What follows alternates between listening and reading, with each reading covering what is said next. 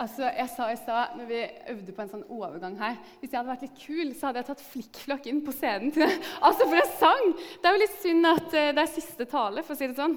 Vi må høre den. Eh, ja, vi skulle hørt den en gang til. Vi tar reprise etterpå.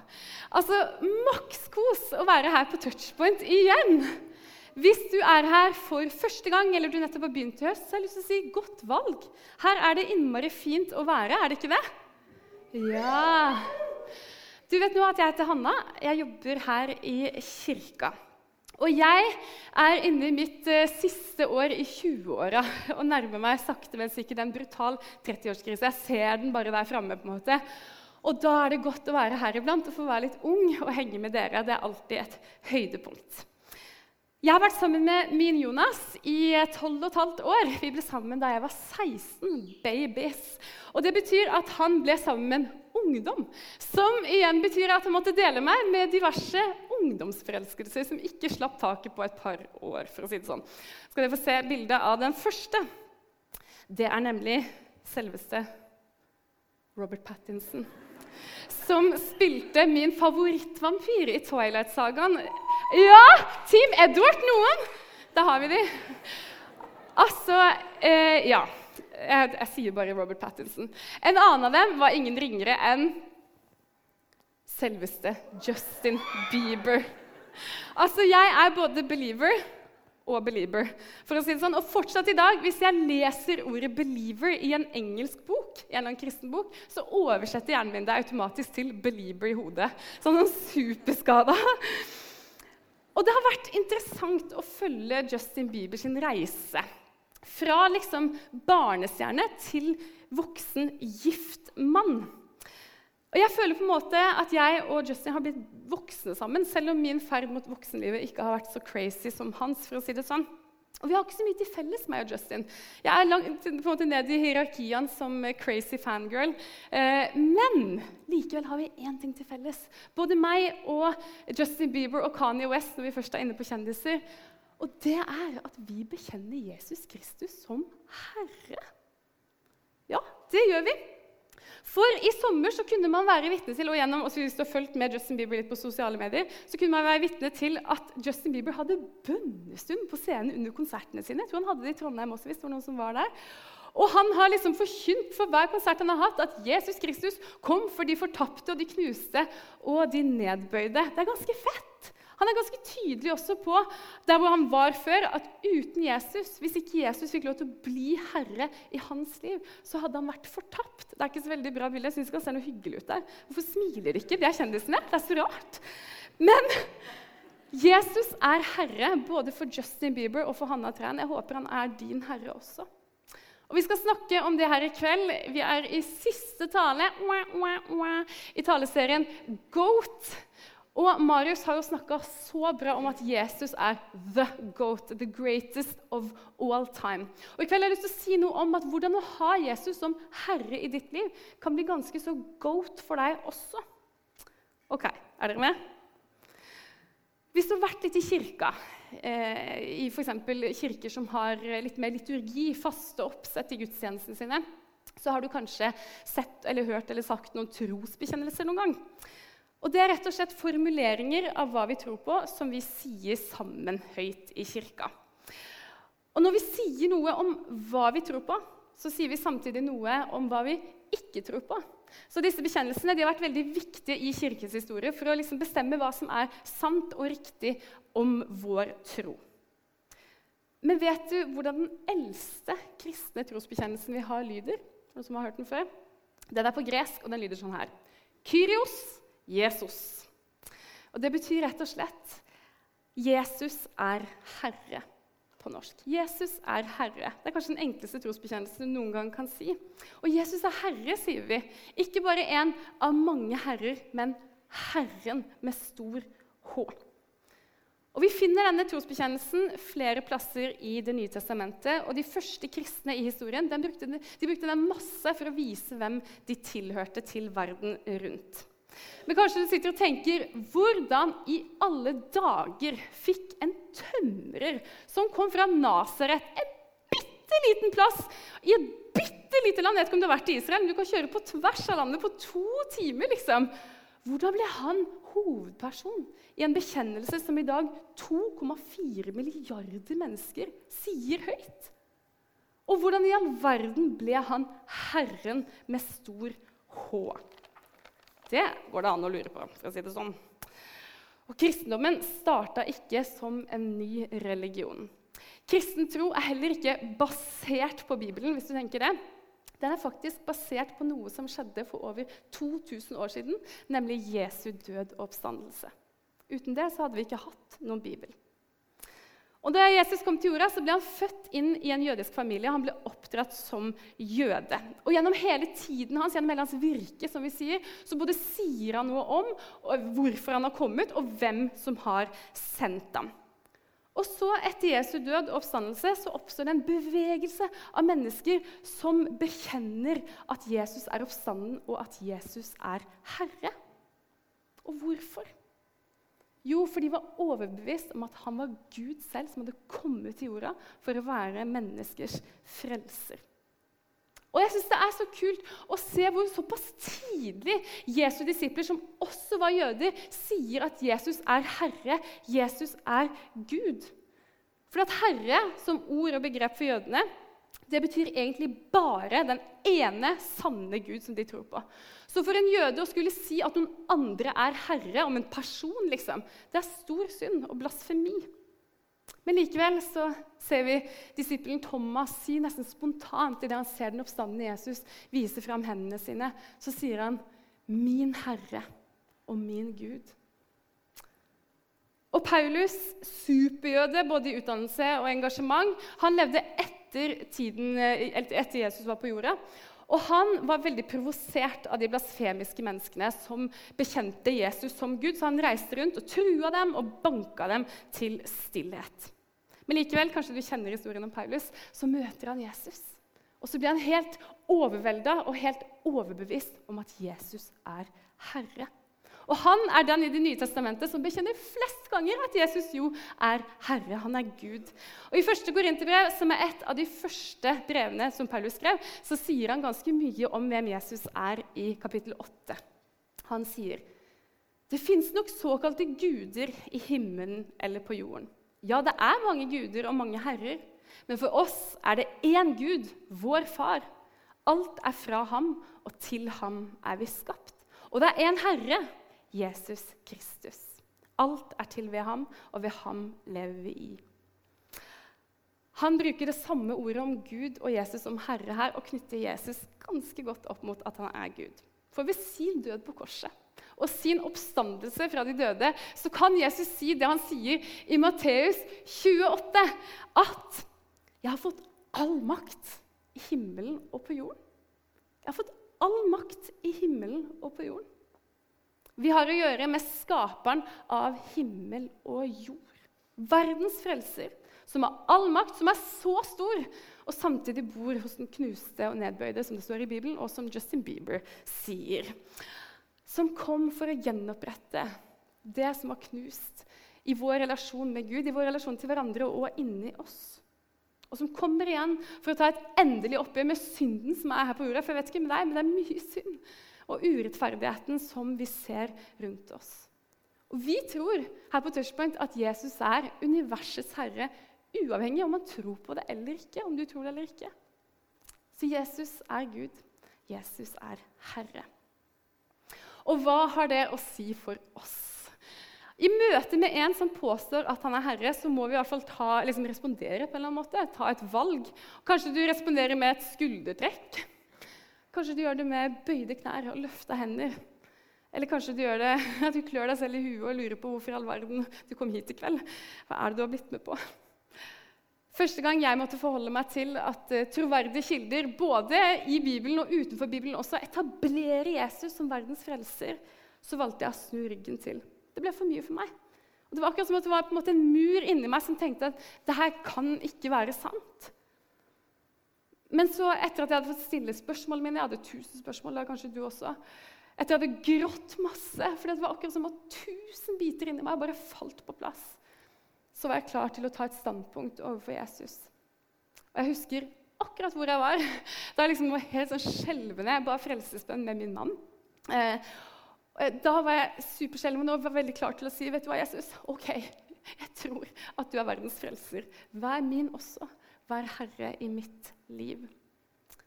Og da ble jeg frelst, som vi sier på kristensk. Og Marius sa forrige gang han talte, vi hadde en frelsesinnbydelse, da siterte han Paulus fra Romerne 10,9, hvor han sier For hvis du med din munn bekjenner at Jesus er Herre, og i ditt hjerte tror at Gud oppreiste ham fra de døde, da skal du bli frelst. Så Jesus er Gud. Han er herre over alt som fins, og vi kan velge å bekjenne det og bli frelst. Men er det sånn at når jeg har bekjent det, jeg har liksom invitert Jesus inn i livet mitt, så kan jeg liksom vise han inn i stua og gi han en kopp kaffe, og så kan jeg rusle videre i livet mitt som at det jeg bekjente, nettopp bare var tomme ord? Retorisk spørsmål? Nei, det er jo ikke det. Vi kalles til å ha Jesus som frelser hver dag og som herre hver dag, og ikke bare som en one time-bekjennelse. For Jesus er levende, tror vi. Vi har med en levende herre å gjøre. Så hvordan ser det ut når Jesus er herre i mitt liv? Starteren av retreat-bevegelsen her i landet, Edin Løvaas, en veldig klok mann, han sa at en som er en Jesu etterfølger, som har Jesus som herre, gjør Jesu interesser i verden til sine interesser. Du har kanskje hørt det her før, men det er så fint og enkelt sagt. Og Hvis det er mitt hovedfokus, så vil jeg alltid være opptatt av Jesus først. Og så lever jeg livet mitt ut ifra hvem han er på alle områder i mitt liv. Og hva var Jesus sine interesser? Kanskje litt sånn forskaling og høvling og sånn. Jeg tenkte, liksom, Hadde Jesus en hobby? liksom? Han var jo tømrer. Men Jesus oppsummerer liksom, hva det viktigste vi kan gjøre, er, og som definitivt oppsummerer hans interesser i Matteus 22. Der blir han spurt, 'Mester, hvilket bud er det største i loven?' Han svarte, 'Du skal elske Herren din Gud av hele ditt hjerte og av hele din sjel og all din forstand.' Dette er det største og første budet. Men det andre er like stort. Du skal elske de neste som deg selv. På disse to budene hviler hele loven og profetene. Det viktigste vi kan gjøre, altså, det er å elske Gud og elske mennesker. Og hvis vi gjør det, så er det ingen tvil om hvem vi har som herre i våre liv, tror jeg. Så vi kalles til å elske Gud. Og jeg vet ikke om du har vært kristen lenge og vært på mange møter og hørt mange taler om å elske Gud. Ofte kan det bli et sånn floskel, noe man bare sier. på en måte. Hvordan i alle dager elsker man en gud? på en måte? Og det å si 'elske deg' det er ikke like lett for alle. Kanskje du har blitt brent eller såra før når du sa det til noen. de kanskje ikke sa det tilbake. Eller kanskje du har vokst opp i en familie der hvor å si 'elsker deg' det er liksom, Man sier det aldri. Det er maks glad i deg. på en måte, Så det sitter litt langt inne for deg å si sånne ting. Jeg er sånn selv. Og hver gang Jonas ringer meg og han skal legge på og sier sånn 'Elsker deg!' Og familien min, spesielt hvis de sitter rundt, så er det sånn herre eh, Ja. Eller mm, deg òg, på en måte. Kanskje du har det likt. Det er ikke like lett for alle å si 'elsker deg'. Men heldigvis så er ikke det å elske noen basert på ord.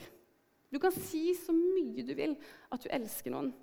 Hvis man ikke ser det på måten du oppfører deg mot dem, så er ordene dine ingenting verdt.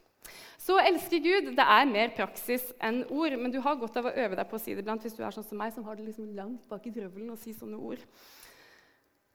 Men vi kalles til å elske Gud. Og Tim Keller, en stor teolog i vår tid, han sier så fint at ironien ved evangeliet er at den eneste måten vi kan bli verdig til å ta imot det, er ved å innrømme at vi er totalt uverdige til å ta imot det. Å elske Gud starter altså ved at jeg bøyer meg og så sier jeg, vet du hva, Gud? Du er Gud, og ikke jeg. Å gi Gud førsteplassen som han fortjener i våre liv. Og som en del av den prosessen så må vi ofte skifte litt retning i livene våre. Og vende oss mot Gud og hans interesser i verden. Og Her har kristen tro et eget ord som heter omvendelse. Og Det høres kanskje litt heftig ut og litt tungt, men vet du hva? jeg liker det ordet ganske godt. faktisk. For omvendelse det er å skifte retning. Kanskje helt om fra noe som ikke var bra, som dro deg vekk fra Gud, eller kanskje bare en liten justering mot Jesus når som helst. Det er å si ja til noe, Og så er det å si nei til noe annet. Å si ja til Jesus som herre og nei til alle andre ting i livet ditt som vil være herre. Å si ja, Gud, vet du hva? Du skal faktisk få alt, for jeg elsker deg. Og man vil dele med den man elsker. Og ikke bare Du kan få alt, men ikke pornoavhengigheten min. Eller du kan få alt, men ikke lommeboka, ikke selvopptattheten min, ikke TikTok-profilen min. you name it. En kjent gammel pastor i USA som heter Eugene Peterson, han sier så fint om omvendelse sånn «Hm». At det er en beslutning om at du tok feil da du antok at du kunne styre ditt eget liv og være din egen gud.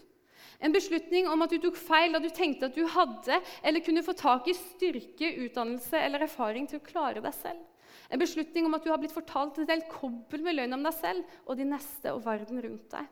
Og det er en beslutning om at Gud i Jesus Kristus forteller deg sannheten.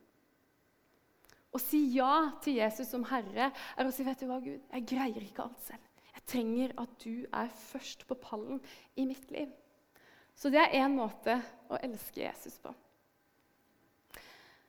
Men har du vært skikkelig forelska noen gang? Jeg skal ikke det håndsopprekning.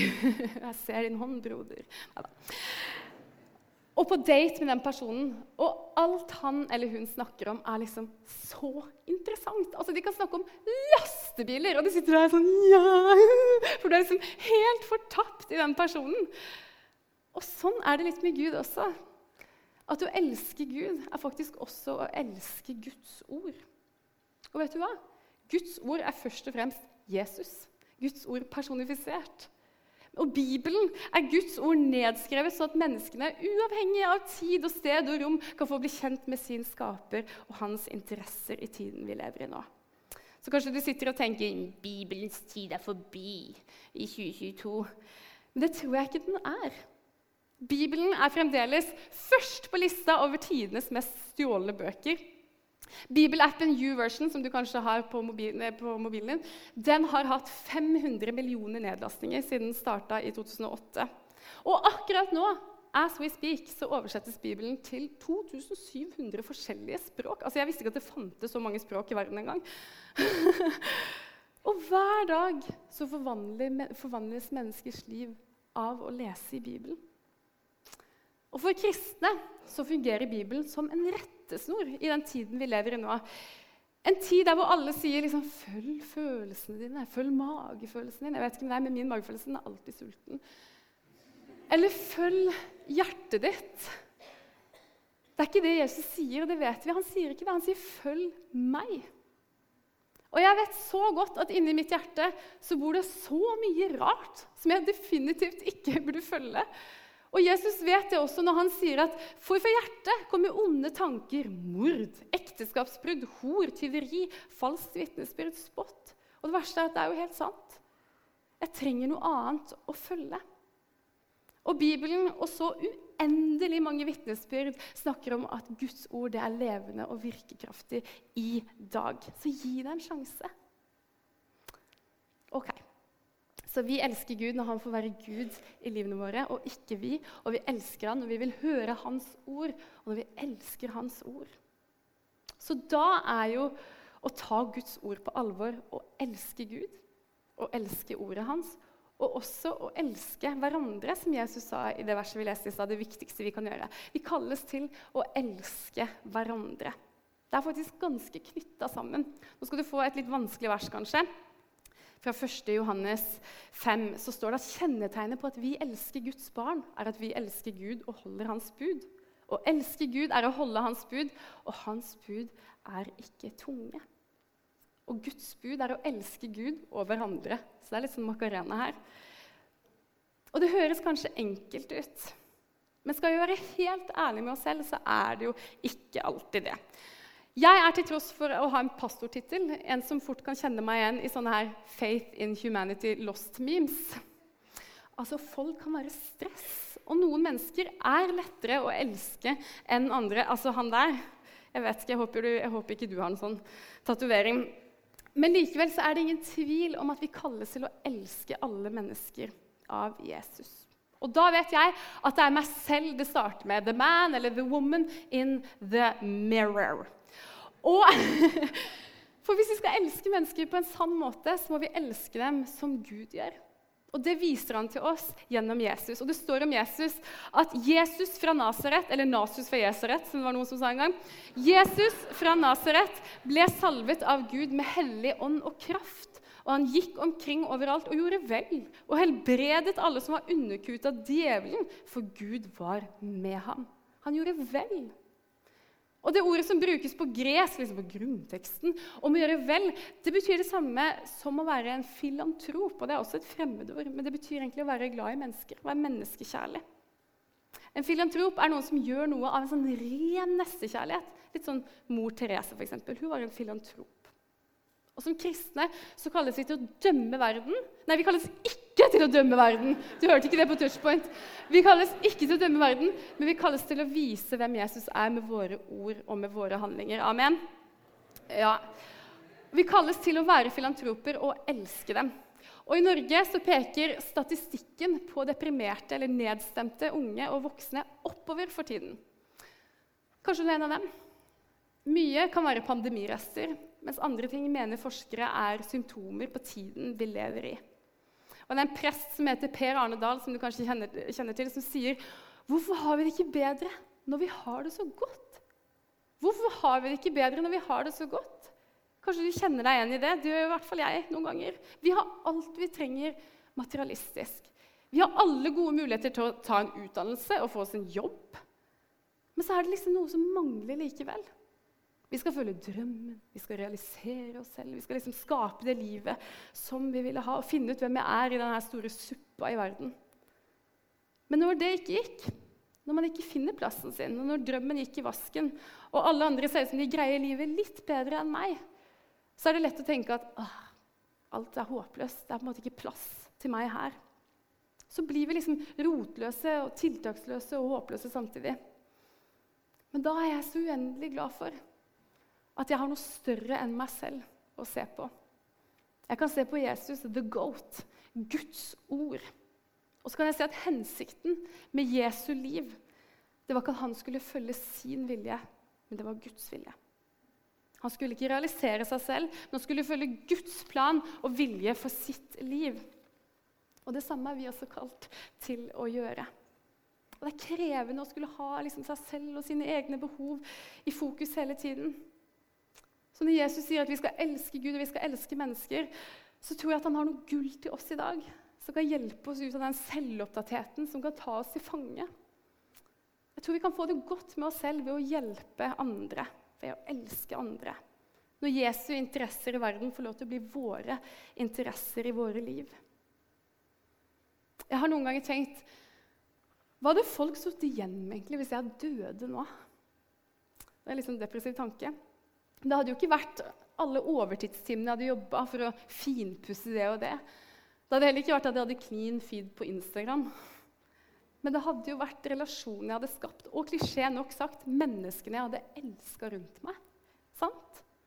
At barna mine fikk en trygg start på livet fordi de hadde en mor som var til stede, og som hadde tid til en ekstra bok på kvelden. At tiden som jeg investerte i å være flyktningvenn, fikk følge for flere generasjoner liksom for akkurat den innvandrerfamilien her i landet. Vi er kalt til å elske mennesker som vår, som vår Herre Jesus. Og hvordan elsker en herre? Kanskje du tenker at en herre ikke trenger å elske, for at alle bøyer seg for han uansett. på en måte, det er ikke noe vits. Men 1. Johannes 19 sier at vi elsker fordi at han elsket oss først. Det var Gud som fant opp kjærlighet. Han har gitt oss en mal på hva kjærlighet er i Jesus. På hva det innebærer å elske mennesker. For Jesus han var ingen sånn herskerherre som mange trodde han skulle være da han kom. Han var ikke manipulerende. Han var ikke bråsint og sjefete. Han var en tjener. Han bøyde seg ned og vaska vennene sine sine føtter som var en jobb for slaver. Han sier sannheten han er på jorda. Han kaller mennesker bort fra det som var dårlig for dem, og inn i noe som var bedre. Han dør for oss. Til og med de av oss som vi tenker ikke fortjener det. Til og med de som snakka et annet språk enn han, som hadde en annen hudfarge enn han, og som prioriterte annerledes enn han. Og når vi har Jesus som herre, så kalles vi også til å være sånn. og til å se på verden med hans blikk.